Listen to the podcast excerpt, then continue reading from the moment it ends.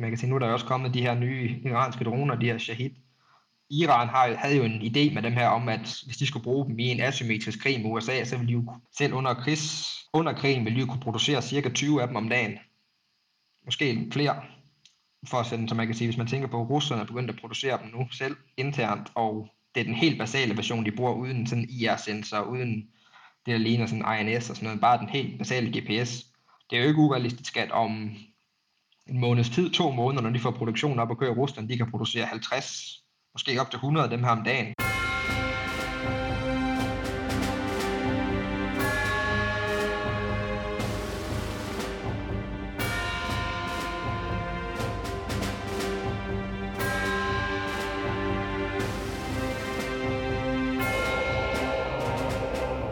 Goddag igen og velkommen til Krigskunst podcast, hvor vi hver måned taler om et aktuelt militært eller sikkerhedspolitisk emne med en skiftende ekspert. Mit navn er Kasper Vester, jeg er til daglig journalist på Olfi, og jeg producerer podcasten sammen med min medvært, militæranalytiker Anders Puk Nielsen. I dag har vi besøg af Oliver Alexander til en samtale om OSINT eller Open Source Intelligence – før vi tager hul på den, så skal jeg lige øh, nævne, som jeg plejer, at alle medvirkende alene giver udtryk for deres egne meninger og ikke taler på vegne af nogle organisationer, som de måtte have en forbindelse til.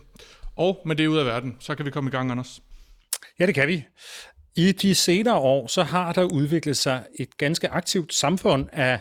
hvad man kan kalde open source efterretningsanalytikere. De bruger offentligt tilgængelige informationer til at skabe efterretninger om, hvad der foregår ude i verden i forskellige konflikter, og så deler de den information på internettet. Og den viden bliver på den måde spredt ud i befolkningen, og den bliver også ofte samlet op af journalister og kommer ind i vores allesammens bevidsthed, uden at vi måske helt har tænkt over,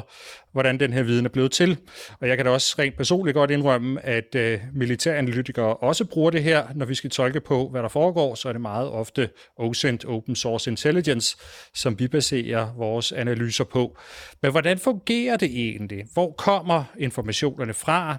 Og hvordan arbejder OSINT-analytikerne? Hvordan skal vi bruge OSINT, og hvordan kan man egentlig skelne mellem information og misinformation i den her jungle på de sociale medier. Det taler vi om med Oliver Alexander, som er en af Danmarks førende OSINT-analytikere på sin Twitter-konto og på sin Substack. Der formidler han dagligt analyser. Han har over 50.000 følgere på Twitter. Oliver Alexander er en måske lidt atypisk gæst her i Krigskunst podcast, fordi han er nok den første gæst, vi har med, som faktisk ikke har nogen øh, sådan militær uddannelse eller et job inden for øh, noget militært eller sikkerhedspolitisk til daglig, så laver han finansielle analyser. Øh, men hans militære analyser, de er altså af, af øverste kvalitet, og øh, Kasper og jeg var så overhovedet ikke i tvivl om, vi var nødt til at have Oliver Alexander med her i programmet, både for at blive klogere om hele det her OSINT-fænomen, men også for at høre om hans syn på, på krigen i Ukraine som helhed. Så Oliver Alexander, velkommen i Krigskunst podcast. Tak for at man komme. Oliver, måske øh, kan du starte med at fortælle lidt om, hvem du er, og hvordan du er kommet ind i det her med at lave øh, analyser sådan med relation til det her militære område, fordi det er jo ikke det, du beskæftiger dig med til daglig. Uh, nej, det er det ikke, men man kan sige, det er det egentlig en hobby, jeg har haft i rigtig mange år, og har snakket med mange folk om det og tit. Og så her for i starten af året, der besluttede jeg mig egentlig for at begynde at lave mine observationer og sådan nogle ting mere offentligt tilgængelige på den her Twitter-konto, jeg lavede, og så er jeg ligesom gået i gang med det, og det er så hurtigt blevet større, end jeg egentlig havde regnet med, det ville blive. Det var egentlig startet egentlig mest bare med, at mig og sådan nogle andre i miljøet, vi delte nogle ting med hinanden og sådan noget, og holdt øje med, hvad der skete, og det kan jo også til tider være relativt relevant for finansielle analyser og sådan noget, og kan se, hvad der sker rundt i verden, fordi at kan man komme foran nyhederne, som man jo hurtigt kan gøre med det her, så har man også nogle gange lidt nogle, øh, nogle andre indblik på, hvor markedet kan føre hen, og hvad priser på forskellige ting, og hvordan de kan ændre sig på baggrund af ting, der sker rundt omkring i verden. Og så med hensyn til militæranalyse, det, ja, det er en hobby, jeg har haft lige siden jeg var barn. Jeg har altid været meget interesseret i det, og gået op i det, og haft sådan en ret nørdet passion for det, hvor at man kan se, hvor mange folk de læste øh, Harry Potter-bøger som barn, så sad jeg med brugsanvisninger til fly og kampvogne og alle sådan nogle dokumenter, og sad og kiggede dem igennem. Det kan være, at vi skal, sådan skal prøve, og, og nu har vi ganske kort skitseret, hvad OSINT er, altså øh, hvad skal man sige, efterretningsindhentning med åbne kilder. Kan du ikke prøve at gøre os en lille smule klogere på, hvad, hvad der findes af forskellige discipliner? Jeg er godt klar over, at der er rimelig mange, men, men måske sådan de mest gængse, eller det du mest benytter dig af, når du sidder og, og laver dit analysearbejde? Jo, det kan man godt. Man kan sige, det er jo åbne kilder, så det er jo kilder, alle i princippet har er tilgængelige. Der er ikke nogen klassificerede kilder. Det, så det er ja, alt, hvad man lige kan finde. Man kan sige, jeg bruger meget af min tid på, starter måske. Mange af mine analyser med at kigge på. Telegram, som er en øh, social medie, der bliver brugt meget i Rusland og Ukraine, hvor at, der er nok inde i 4, 5, 6, 700 kan, forskellige kanaler efterhånden, så der bliver altid smidt ting ind fra videoer, der bliver lagt op af folk i Ukraine eller Rusland, eller også forskellige propagandakilder fra begge sider, som der kan man ligesom bruge dem til at få en idé af, hvad der sker, og selv sortere lidt i det, og der kommer nogle gange nogle videoer op, så kan man så gå i gang med en analyse af det. Det kan man jo så gøre ved at gøre det for eksempel, det hedder geolocation, som er, at man prøver at finde ud af, hvor den her video er taget, eller billedet er taget, eller for ligesom at prøve at bruge det til at verificere den. Det kan man gøre det kan nogle gange være rigtig nemt, det kan også nogle gange være rigtig, rigtig svært, hvor hvis det er bare en øde mark, så kan det godt være lidt svært at finde ud af lige præcis, hvor den er taget, men der bruger man ting i baggrunden, og og ligesom prøve at finde landmarks og sådan noget. Man kan prøve at finde ud af, hvor det her video er taget, for at bekræfte, at det faktisk er taget der, hvor der står, den er taget, eller det ikke er en ældre video. Så er der også noget, der hedder chronolocation, som man også kan bruge til at hjælpe med at bekræfte, hvor man bruger, for at prøve at finde ud af tiden, der kan man gøre det meget sådan på passer årstiden med, hvad der sker. Passer, man kan også bruge skygger. Der er nogle programmer, man kan bruge på nettet, hvor man kan se en lokation på den her dato, hvor vil skyggen egentlig nå hen, og hvor sådan, der sidder vil den komme fra, så kan man ligesom også bruge det til at hjælpe både med geolocation, men også for at prøve at bekræfte, at den her video den er faktisk fra den her dag, fordi den her skygge, den passer nogenlunde med der, hvor solen vil være på det her tidspunkt i den her del af verden. Og så kan man sige, så kan man også bruge satellitfotos, dem bruger jeg en del. De kan være lidt sværere at få skaffet, fordi der skal man igennem nogle forskellige programmer og nogle forskellige, så skal man købe fra folk, eller derfor også nogle af nogle af dem fra nogle samarbejdspartnere, jeg har efterhånden, fordi de kan blive relativt dyre, man kan sige, man kan betale 200-300 kroner per kvadratkilometer. Det kan hurtigt blive, hvis et større område, det bliver hurtigt dyrt, det løber op. Man skal have opdateret fotos, der kan man så kigge på dem og prøve at se, der kan man have forskellige, ja, se hvad der sker rundt omkring, og så kan man gå tilbage i tiden. Der er også nogle gratis kilder, man kan bruge til det, for eksempel det, der hedder Sentinel Hub, som ligger, de er ikke så høj opløsende, men de lægger billeder op cirka hver tredje dag, passerer den satellit, der får et nyt øh, snapshot af verden, så der kan man nogle gange se nogle af de større bevægelser, hvis nu der er en bro, der er blevet sprunget eller et eller andet, så kan man se, at hov, der er et eller andet her, så kan man ligesom vælge at investere i det der lille snapshot der, for at se, hvad der egentlig er sket der. Og det er nok sådan største del af de ting, jeg bruger min tid på. Bruger du, øh, bruger du sådan dine egne penge på det? Øh, jeg bruger nogen, jeg engang imellem, ja. Jeg har nogle øh, gode samarbejdspartnere, som bruger rigtig mange penge på det, og de er så gode til at lade andre folk benytte sig af de her, lægge dem op. Vi har sådan lidt en gruppe, hvor der er nogen, der, jeg kan sige, jeg kender nogen, de bruger, de bruger op over 10, 20, 30.000 kroner på satellitfotos om måneden på det. Bare sådan ren hobbyplan. Det er så også, så man kan sige, der er nogle folk, der bruger rigtig mange penge på det. Det, øh, øh det, det lyder jo øh, som e-, enormt meget. Altså, øh, hvordan får man opbygget sådan et netværk, hvor man kender folk, som som sidder og laver det samme? Og... Øh, man kan sige, det er, en, det er en længere proces. Man kan sige, det er vel nok lidt unikt for, hvordan alle ligesom kommer ind i det. Jeg har mødt nogen tilfældigvis igennem nogle forskellige kilder på Twitter, og så kommer man sådan lidt ind i miljøet, og så lærer man nogle andre at kende, og så er der en, jeg vil sige, der måske ikke klikke, men sådan grupper af folk, der ligesom samarbejder meget, og så er der nogle, der er sådan større grupper, der samarbejder, og så er der også nogle folk, der ikke er specielt populære inden for den her community, som tit er sådan nogle folk, der lidt prøver at skal være imod alle, fordi jeg føler sådan, i helheden, der prøver alle at samarbejde meget om det, men der er ligesom nogle folk, der altid prøver at gøre alting til en konkurrence, og skal være sådan, alting er deres, så det, de skal være først til alt, så de sådan, bliver sådan lidt kørt ud på et sidespor på en eller anden, det er sådan lidt sjovt. Der er, hvis man ser bag øh, kulissen af det der offentligt, den mængde drama, der er i det her, det kunne man jo lave et helt sådan Kardashian reality-program på. på. Nu, øh, det lyder til, at øh, miljøet er meget internationalt. Øh, hvor, hvor, hvordan kommer du i kontakt med, med de her mennesker, du arbejder sammen med? Hvordan kommer man ind i det her miljø i det hele taget til at starte med? Altså, man kan sige, jeg kom ind igennem, jeg tweetede nogle ting og tweetede sammen med nogle folk til at starte med på nogle, det var en gammel Twitter-profil, jeg havde forlagt det siden, som ikke var sådan en officiel en. Det var også derfor, jeg lidt valgte at skifte til en profil, der havde mit eget navn og mit eget ansigt bag, fordi at jeg følte, det giver lidt mere troværdighed. End, det er et problem, mange OSINT hvad hedder det, profiler har, det det der med, at det er en anonym profil, som der også kan være gode grunde til, hvis nu man er et sted, hvor at, eller man ikke rigtig vil have det set sammen med, hvad du gør i privatlivet, eller du, der kender nogle af dem, de bor for eksempel i Syrien, eller bor i Irak, eller sådan noget, så det er også lidt far der. Men på den gamle profil, der lærte jeg nogle folk at kende, og kom ind i nogle miljøer der igennem, og så er det ligesom bare vokset, og så efter jeg er blevet større på Twitter nu, så er der også flere folk, der ligesom kender, og så snakker man jo sammen på beskeder og på signal eller forskellige ting, og så kommer man ligesom, får man ligesom bare bygget det her netværk op. På mange måder lidt ligesom en journalist vil gøre, hvis de har sådan et kildenetværk, de langsomt bygger op. Har du gjort dig nogen overvejelser om at stå frem under eget navn? Altså nu, nu øh, udgiver du nogle analyser gennem Twitter på Substack, som, hvor, hvor du nogle gange udstiller nogle ting, øh, russerne gør eller ikke gør, og hvordan der er huller i deres øh, opsæk og sådan nogle ting. Har du gjort dig nogen overvejelser om, øh, altså at, at, der, at der kunne være konsekvenser forbundet med, at du står frem uden at være anonym? Man kan sige, det kunne det jo godt være, men som sådan, at det er ikke noget, jeg sådan bruger min dagligdag på at spekulere over. Man kan sige, jeg tror faktisk, mange folk var overrasket over, efter den her krig gik i gang, hvor lidt af sådan noget, det her spionage og problemer, Rusland de har lavet inden krigen, de egentlig har gjort. Der har jo ikke rigtig været noget. Jeg havde regnet med, at der ville være meget mere sådan angreb på journalister og sådan nogle ting, som der har været i årene op til. Men man kan sige, jeg synes på det punkt, at de er blevet meget stille under krigen. Det havde overrasket mig til starten med. Man kan sige, at den eneste øh, ting, jeg måske gør, det er, at jeg har ikke lige booket en øh, ferie til Moskva her den næste års tid, tænker jeg. Det er nok måske ikke øh, det bedste, men sådan udover det har jeg ikke gjort det store, nej. Jeg, jeg tænker også selv, at jeg springer over på, øh, på den der tur til Rusland lige forløbig. Øh,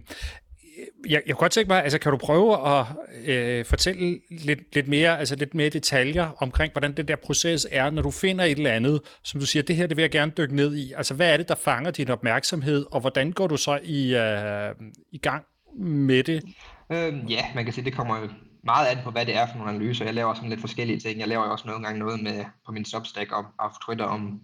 den tyske gassituation og sådan noget. Så det, for mig er det sådan, jeg går sådan lidt, det er de ting, der lige interesserer mig, jeg fokuserer på. Så det kan godt være sådan lidt, øh, lidt spredt ud til vindene, så det kommer lidt an på, hvordan jeg lige starter. Men jeg synes det er altid en god ting med alle analyser, man skal gøre, når man laver noget, som jeg føler, der er rigtig mange, der ikke gør. Det der med, at man skal vide, hvad normalen er, inden man begynder at fortolke på alle de her ting. Det ser man altid på Twitter, hver gang der er en ny drone, der flyver over Sortehavet, eller, eller, eller et nyt fly, så går folk i panik, eller der er en million profiler, der tweeter, åh, se det her fly, og man bare, det er sket de sidste to år, hver anden uge, der sker det her. Så det der med, man skal ligesom lige først finde ud af, hvad er normalen. Og så, man kan se den analyse, den seneste større analyse, jeg lavede, det var den med hensyn til broen ved Krim, der blev bombet. Den er måske sådan lidt speciel, fordi der kommer informationen ligesom løbende, så det er jo, man prøver ligesom at finde ud af, hvad det er på det her puslespil, men man har ikke alle brækkerne, og brækkerne, dem får man nogle gange lige kastet i nakken et par dage efter, så man prøver ligesom bare at bygge det her op med den, for til at starte med, der kiggede jeg på de videoer, der kom, det var det første information, vi fik, så kan man ligesom prøve at lave nogle øh, fortolkninger ud fra det, så har jeg nogle forskellige folk, der snakker med, der ved rigtig meget om det emne, blandt andet nogle folk, der var ingeniører, der har bygget broer, og så snakkede jeg også med nogen, der var, har sprunget broer i luften, som deres profession. Der er også nogle af dem på Twitter, ligesom, hvad hedder det, de der CAT, øh, UXO, der er Unexploded Ordnance folk. Der, så der er mange folk, der ved ting om det her, man lige kan, ligesom, kan prøve at snakke med, og prøve at finde ud af, om det man siger, det, det er de enige med, så ved man nogenlunde, når man peger sådan lidt den rigtige vej. Men for eksempel det, der kunne man jo kigge på, at lige da, det, lige da den eksplosion skete, der var fire teorier om, hvad der skete. Der var lastbilen, som også var den russiske teori, eller det som russerne lige kom frem og sagde, et missil, øh, en båd, der var under broen og sprang den, eller specialstyrker, der er sprunget broen. Man kan se udelukkende, bare fra videoen, der kan man ligesom begynde at kigge på det her teori og se, hvad for nogle af dem, der virker mest plausible, og så kommer der jo billeder efterfølgende, hvor man kan se skaden på broen, og så kan man ligesom prøve at pise det her sammen, og det plejer jeg så at gøre i en Twitter-tråd, men det bliver, når tingene kommer sådan, så bliver det utrolig rodet, og folk har det med kun at læse, som alle, der har, er på Twitter ved, så kan de finde på at læse den fjerde ting, og så begynde at diskutere ting, som du har skrevet lige nedenunder. Så det bliver altid et rod, så derfor kan jeg godt lide at have den her substack til de her lidt længere analyser. Så her begyndte man så at kigge på, for eksempel, for eksempel den med, at det var en springning fra specialstyrker. Der er jo ret mange problemer med den teori, blandt andet med, at okay, der er 600 km hav, de skulle sejle hen fra det nærmeste hav, som Ukrainerne de kontrollerer, det er en mulighed, men sådan også med størrelsen på eksplosionen, og hvis de skulle have gemt der, der hvor det var placeret og sådan noget, det passer ikke rigtigt med, hvordan det ville ske. Så man kan sige, at den teori er mindre sandsynlig. Så var der den med båden, den skabte utrolig meget debat, fordi der var en bølge, der kunne ses under en af de her, på en af videoerne, som så, jeg stadig ikke overbevist om, bare var en bølge, fordi at, som man så kunne se på, det er, at bølgen er under en del af broen, der ikke er blevet til skadegjort. Den del af broen, hvor bølgen var under, er der stadigvæk. Der er ikke sket noget, så man kan sige, man kan ligesom afvise, at det måske var en båd. Og igen,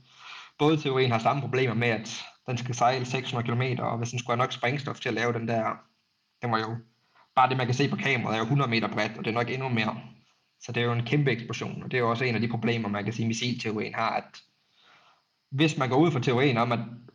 Ukraine har attackums, som jeg ikke er overbevist om, da at jeg føler, at de vil blive brugt noget mere, hvis de havde dem, og der er ikke rigtig, der har ikke været noget endetydig evidens for, at de har dem,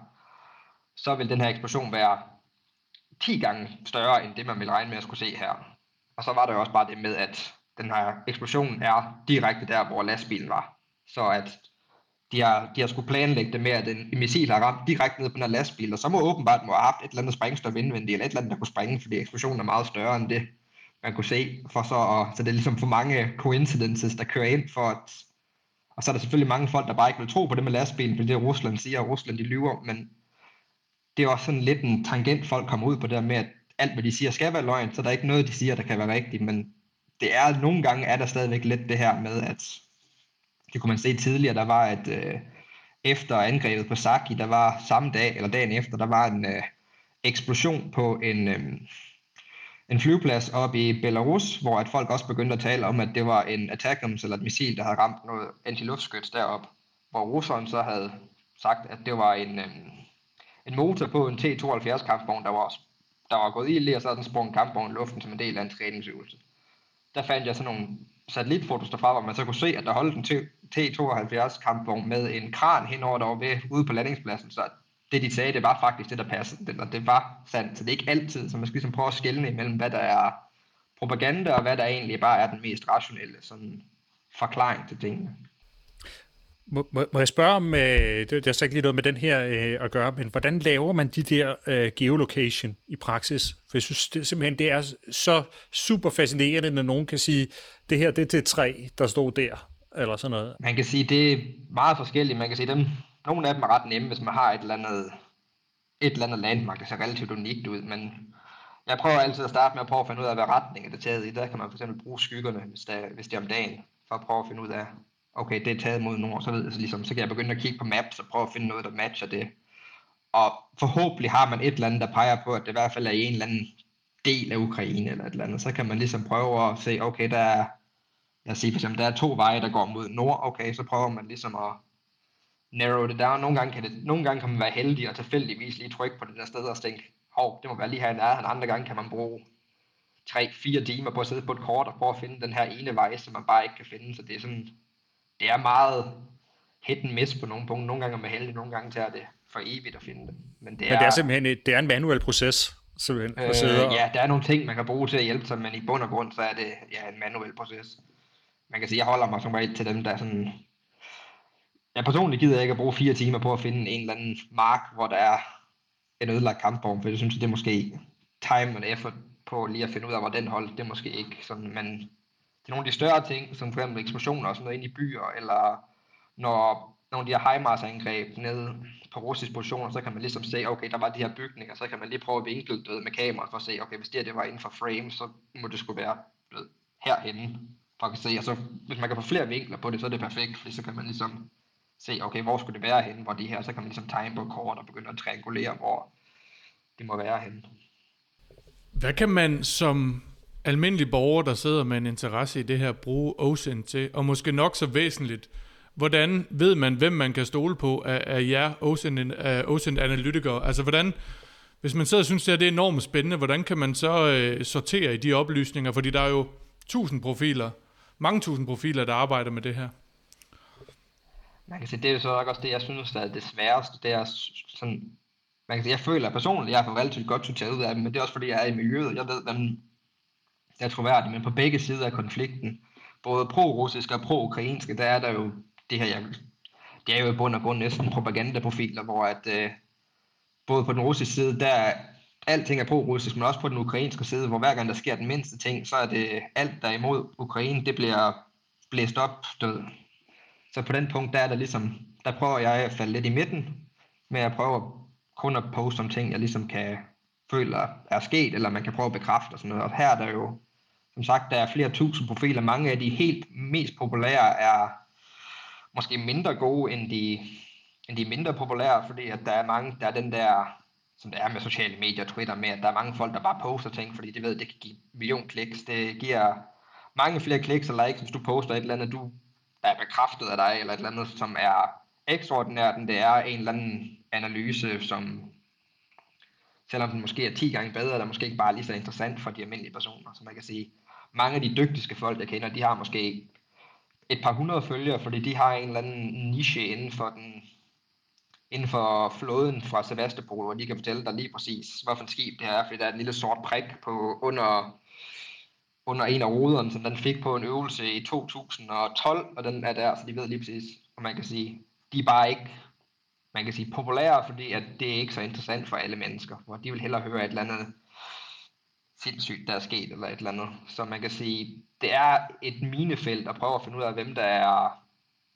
hvad hedder det, hvem man kan stole på. Der er også mange,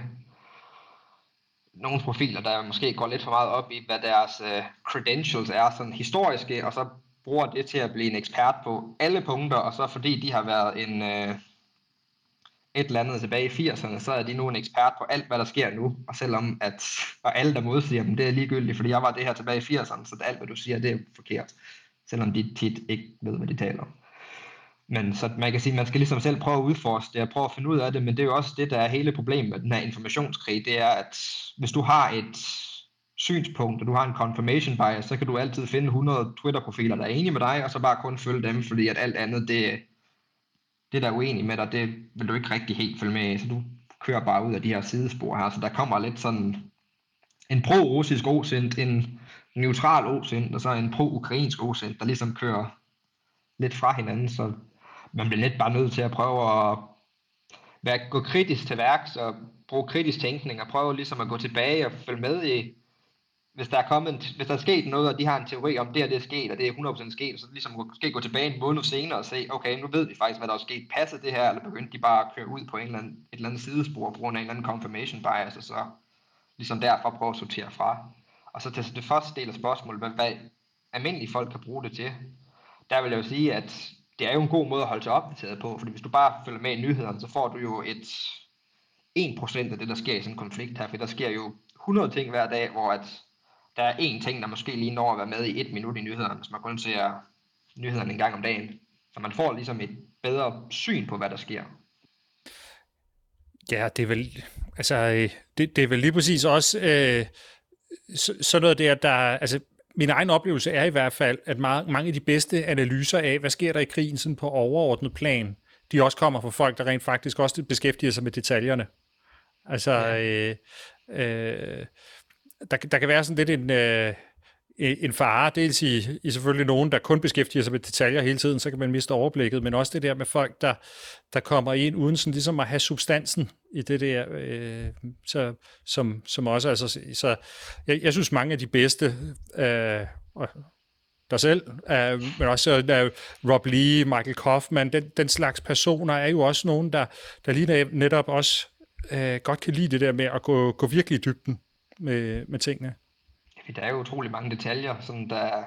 der er ens bare fordi, hvis, en,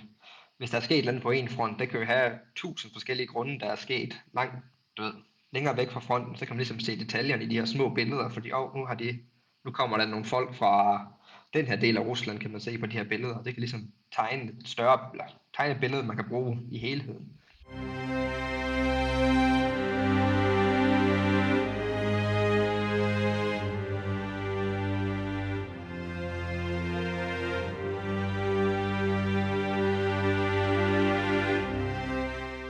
Hvad har du, øh, hvad har du selv lært af den her øh, krig?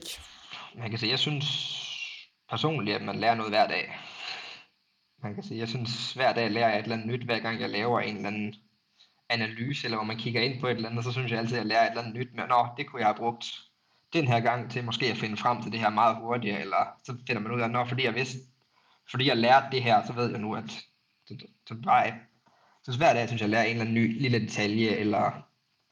en overordnet ting. Jeg synes også måske, at jeg har lært, at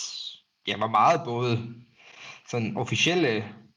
efterretningskilder og også bare, man kan sige, medier rundt omkring i verden, de egentlig benytter sig af OSINT personer og sådan noget til at lave de her rapporter og sådan nogle ting. Man kan jo se mange af dem fra den britiske efterretningstjeneste, der, hvis man, hvis man er inde i miljøet, og man holder øje med, hvad folk har kigget på og sådan noget, men der kommer den der daglige rapport der, så kan man tit se, at sådan, hvor det egentlig opstår fra meget af det her. De har måske blevet bekræftet det med andre satellitfotos, som de selv har, forskellige kilder, men der er mange af de her, hvor det ligesom, man kan se, at det bliver nok parret derhen af, af der var en eller anden med et eller andet op på Twitter. Det er sådan set meget sjovt at følge med i. Men, men det siger også et eller andet om, hvordan, øh, hvordan medierne, beslutningsprocesser, alt sådan noget, det fungerer, ikke? Altså, jeg, jeg, det kan godt uh, være sådan lidt ærefrygtindgydende, det der med, når man har oplevet, uh, det har jeg også selv oplevet, jo, at, at stå i fjernsynet, sige et eller andet, og så lige pludselig, så ser man det gengivet uh, 30 andre steder, ikke? Altså det der uh, med... Uh, uh, det giver dig sådan en, en, en oplevelse af, okay, jeg er også nødt til virkelig at have styr på, at det, jeg siger, det faktisk er rigtigt. Øh, er jeg ikke bare sådan fyre et eller andet af? jeg synes også især, hvor jeg snakkede med, snakkede med AFP på et tidspunkt, og sagde et eller andet, så har man snakket med dem i en team, og så har de valgt at bruge et citat, som var sådan en sætning, som egentlig overhovedet ikke var det, jeg havde sagt, og så er det bare sådan, så er det lige pludselig en avis i Bangladesh, og sådan, og man bare sådan, okay, det, og det bare røg ud alle steder, man bare sidder der, det var en sætning, der var i midten, og sådan en lang ting, jeg var ved at sige, og det var bare sådan, okay, det var den, I valgte at bruge. Det tror jeg gør sig gældende for, for rigtig mange andre, end jeg Ocean folk uh, skulle hilse at sige. Det, det, ja. det synes jeg ofte, man hører som journalist også, det der. Men det kan være, at vi sådan skal prøve også at løfte blikket en lille smule fra sådan det rent ocean tekniske. Altså nu har du siddet og fulgt med i, i rigtig mange måneder, og i virkeligheden også øh, før invasionen gik i gang. Øhm, nu står vi så her øh, 17. oktober, der er gået rigtig lang tid, og vi er langt inde i den her krig. Hvad er sådan dit indtryk af de stridende parter, kan man sige. Altså den måde, som, som russerne øh, kontra ukrainerne fører krig på. Jeg ved, du for eksempel tidligere har nævnt noget med, med det her med, at, at uh, russisk opsæk, altså operationssikkerhed, den lader en del tilbage at ønske, hvis man er russer i hvert fald, ikke? Jo, man kan sige, det. jeg kan ikke, jeg har, kan ikke engang tælle, hvor mange gange nu jeg har set uh, russere lægge billeder op på det der sociale medie, der hedder VK eller Telegram, eller eller andet, de står foran en, uh, en eller andet base eller et eller andet, og så kan man se på satellitfotos en dag eller to senere, efter man har sådan fundet ud af, hvor det var med geolocation, den at, nå, nu er den lige pludselig ramt af en hejmars, eller den bare sidder og tænker, nå, det var måske ikke smart af de fotos. Og man kan sige, det sker jo konstant, det sker, altså ukrainerne er bedre til at kontrollere det. Jeg synes måske også, som jeg også har nævnt tidligere, at der er nogen af dem, der måske er sådan, hvis man bare nævner et eller andet med Ukraine, så har man altid sådan helt her af pro-ukrainske folk, der tænker, der går måske lidt for meget over i det her. For eksempel, der var nogle dage eller flere måneder siden, hvor der var nogle missilangreb på Liev, der havde ramt noget olieinfrastruktur derovre. Nogle, og så havde jeg, jeg kunne, man kunne se fra de videoer der, at det var det, der blev ramt, og så havde jeg sagt, at det var det, der blev ramt, og så begyndte de alle sammen at gå fuldstændig i panik på Twitter med, at opsækker, man ikke fortælle, hvor de er ramt, hvor man tænker, det er GPS-guidede cruise missiles, de har brugt, de, de ved godt, hvor at den her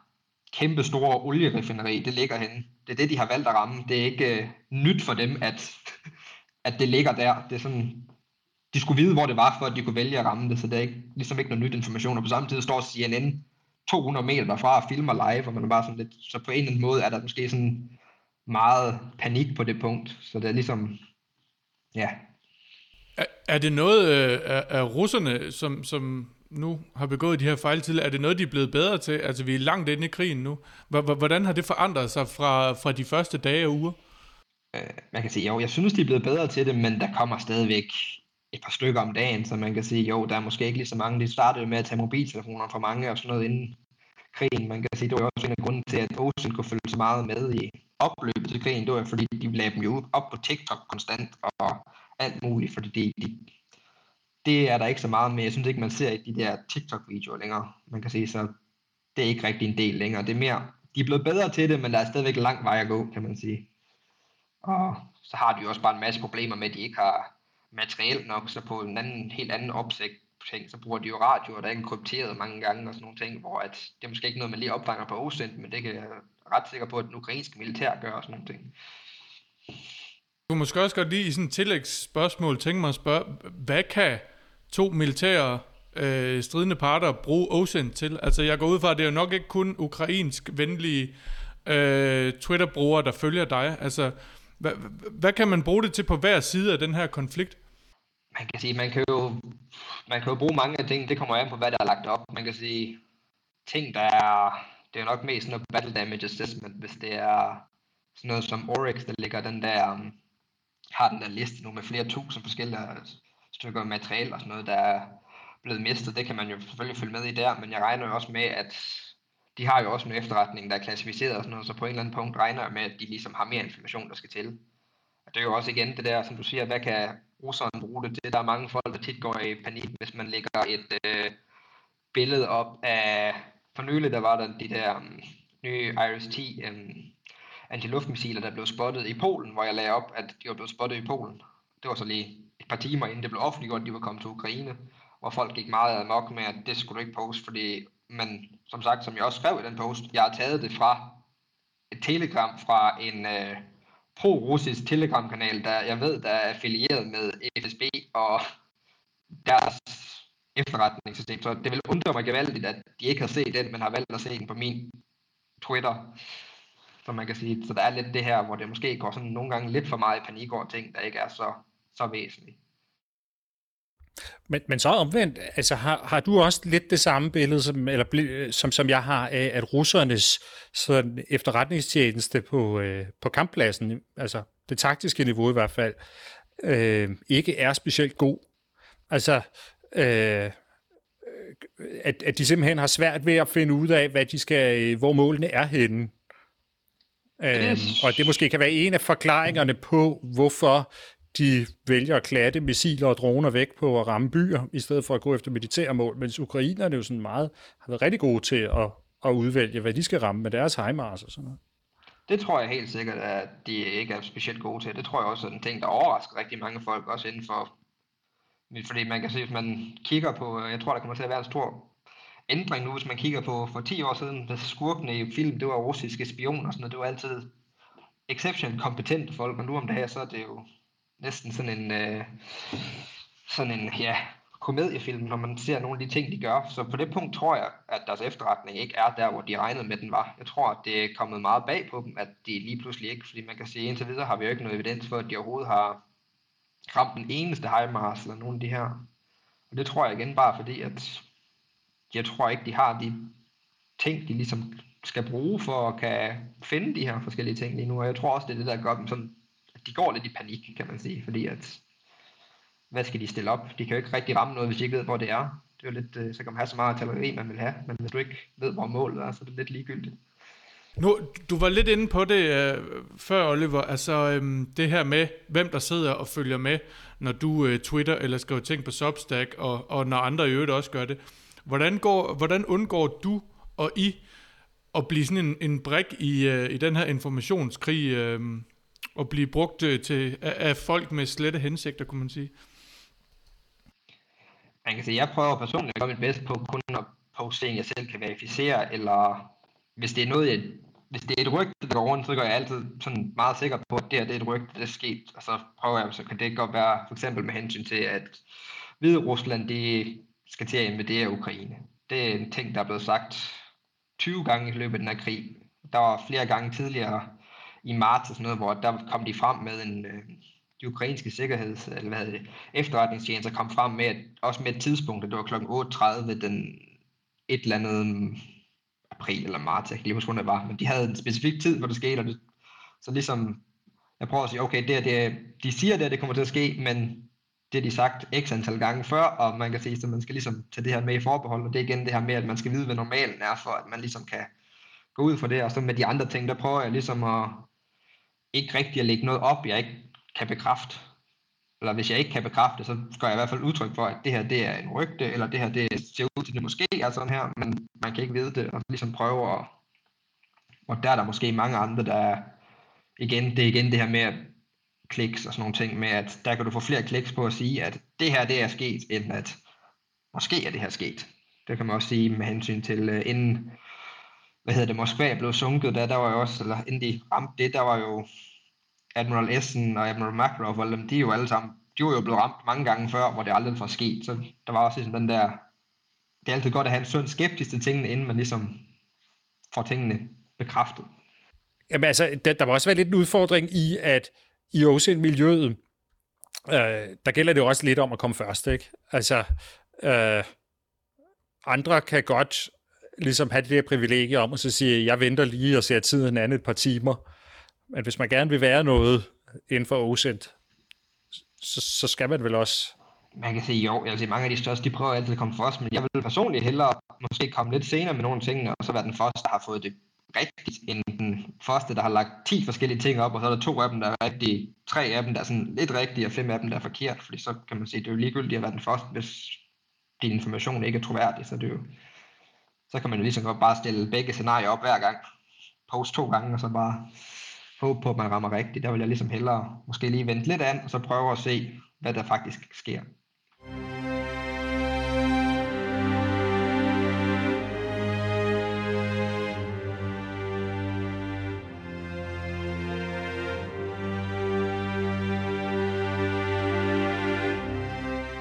Hvordan, øh, hvordan ender den her krig? Hvor, øh, hvem, hvem, øh, hvem vinder? Hvordan den ender, det tror jeg, det er et svært spørgsmål. Og når, hvem der vinder, jeg ved ikke, om der kommer til at være en, øh, en, en vinder. Jeg tror, det kommer til at tage relativt lang tid. Jeg har også, på, jeg har også tit sagt, at jeg tror, at det her det kommer til at køre ud til enten øh, det, at det ender med at blive en større ting, eller at Rusland ligesom falder fra hinanden internt, fordi at jeg kan ikke rigtig, som det er lige nu, se nogen, øh, nogle off-ramps for Putin, og der er heller ikke rigtig på samme tid nogle off-ramps for Ukraine, så det er lidt den der unstoppable force og movable object, der ligesom, man kan sige, ukrainerne, de har jo sagt, de vil have Krim tilbage, og have det hele tilbage, og det kommer ikke til at være en ting, som Putin eller Rusland nogensinde vil lade ske, fordi hvis man snakker med russere, eller Sevastopol for eksempel, hvor der er at det er jo for mange russere, jeg har snakket med, sådan, kender også en del russere, sådan, det er jo nu er det jo lige så meget Rusland, som St. Petersborg er for mange af dem. Det er jo lige så stor en del af deres nationale identitet, som det er, så det vil jo være det samme som at opgive St. Petersborg, så på det punkt kan jeg ikke se, at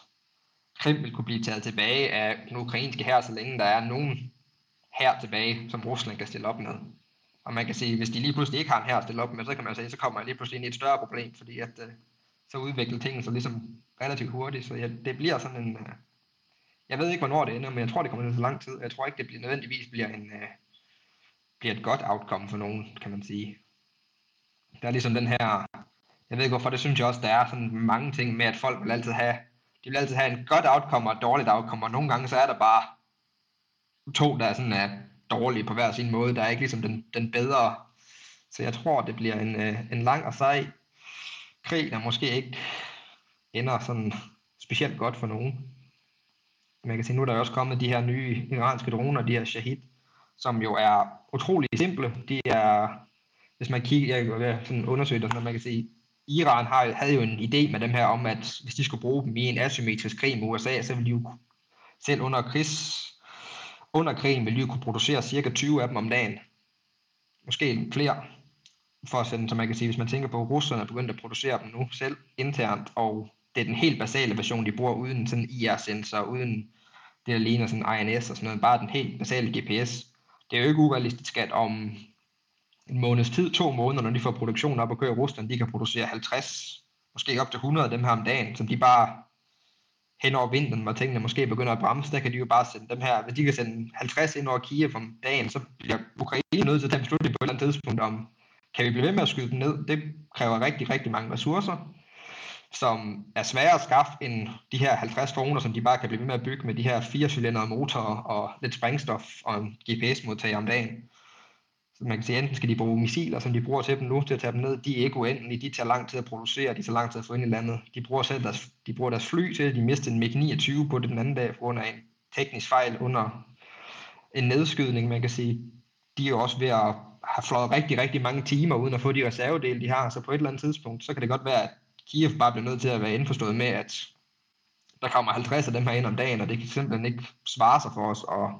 skyde dem ned. Vi bruger for mange ressourcer på det, og så kan man sige, det har jo også en effekt, kan man sige, og det er jo noget, de kan i teorien vil kunne holde kørende i lang tid ude i fremtiden, fordi at de er så simple at lave, og det er egentlig bare sådan noget, der er designet til asymmetrisk krigsførsel mod en meget større magt, så for Rusland burde det jo ikke være et problem at producere, masseproducere dem her. Men der må der stadig være noget teknologi i det. Nu ved jeg godt, det er lavet af Iran, og Iran jo nok øh, heller ikke har, har lavet design, som, som krævede mange vestlige komponenter, men der må der trods alt kræves en eller anden form for højteknologi i det. Man, Nogle man mikrochips og sådan noget. Man kan sige så meget, som man kan se, jo, der kræves lidt, men der kræves, at det man ved om den, der er selvfølgelig ikke så meget, man helt præcis ved om den. Man kan sige, motoren er en motor, du i princippet selv kan købe på Alibaba, der koster 300 dollars. Sådan en 4 motor, man kan sige, så vidt som jeg kunne se for det, så bruger den en meget primitiv GPS-modtager for, så man kan sige, det er jo, kan du, kan du bygge modelfly,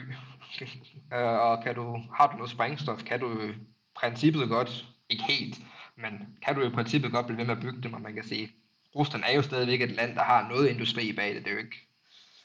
man kan sige selv øh, uh, Houthierne i um, Yemen, de byggede jo, de sidste par år har jeg bygget en eller to af dem om dagen, hvis man kigger på det antal angreb, de har lavet med sådan nogle droner lignende dem her, og så delt det ud, så må de have cirka produceret i gennemsnit en af det her droner om dagen i den periode, så det er jo ikke urealistisk, at Rusland vil kunne producere dem i hen af, og nu kommer der også de nye øh, missiler fra Iran, er der jo tale om, og man kan se, de er jo også, øhm, igen,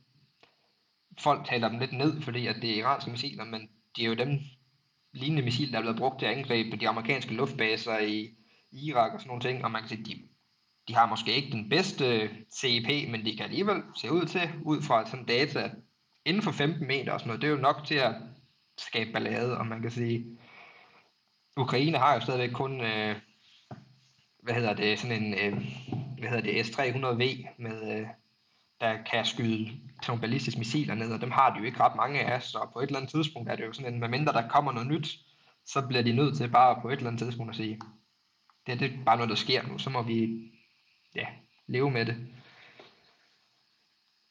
Det er lidt nogle øh, dystre perspektiver, men, øh, men vi må se, hvad, hvad det ender med. Men så kan det være, at vi, vi som sådan en serviceoplysning til vores lytter lige øh, skal, skal fortælle dem, øh, hvor man kan følge dig hen, øh, hvis man gerne vil følge dit, dit arbejde. Hvor skal man så kigge hen?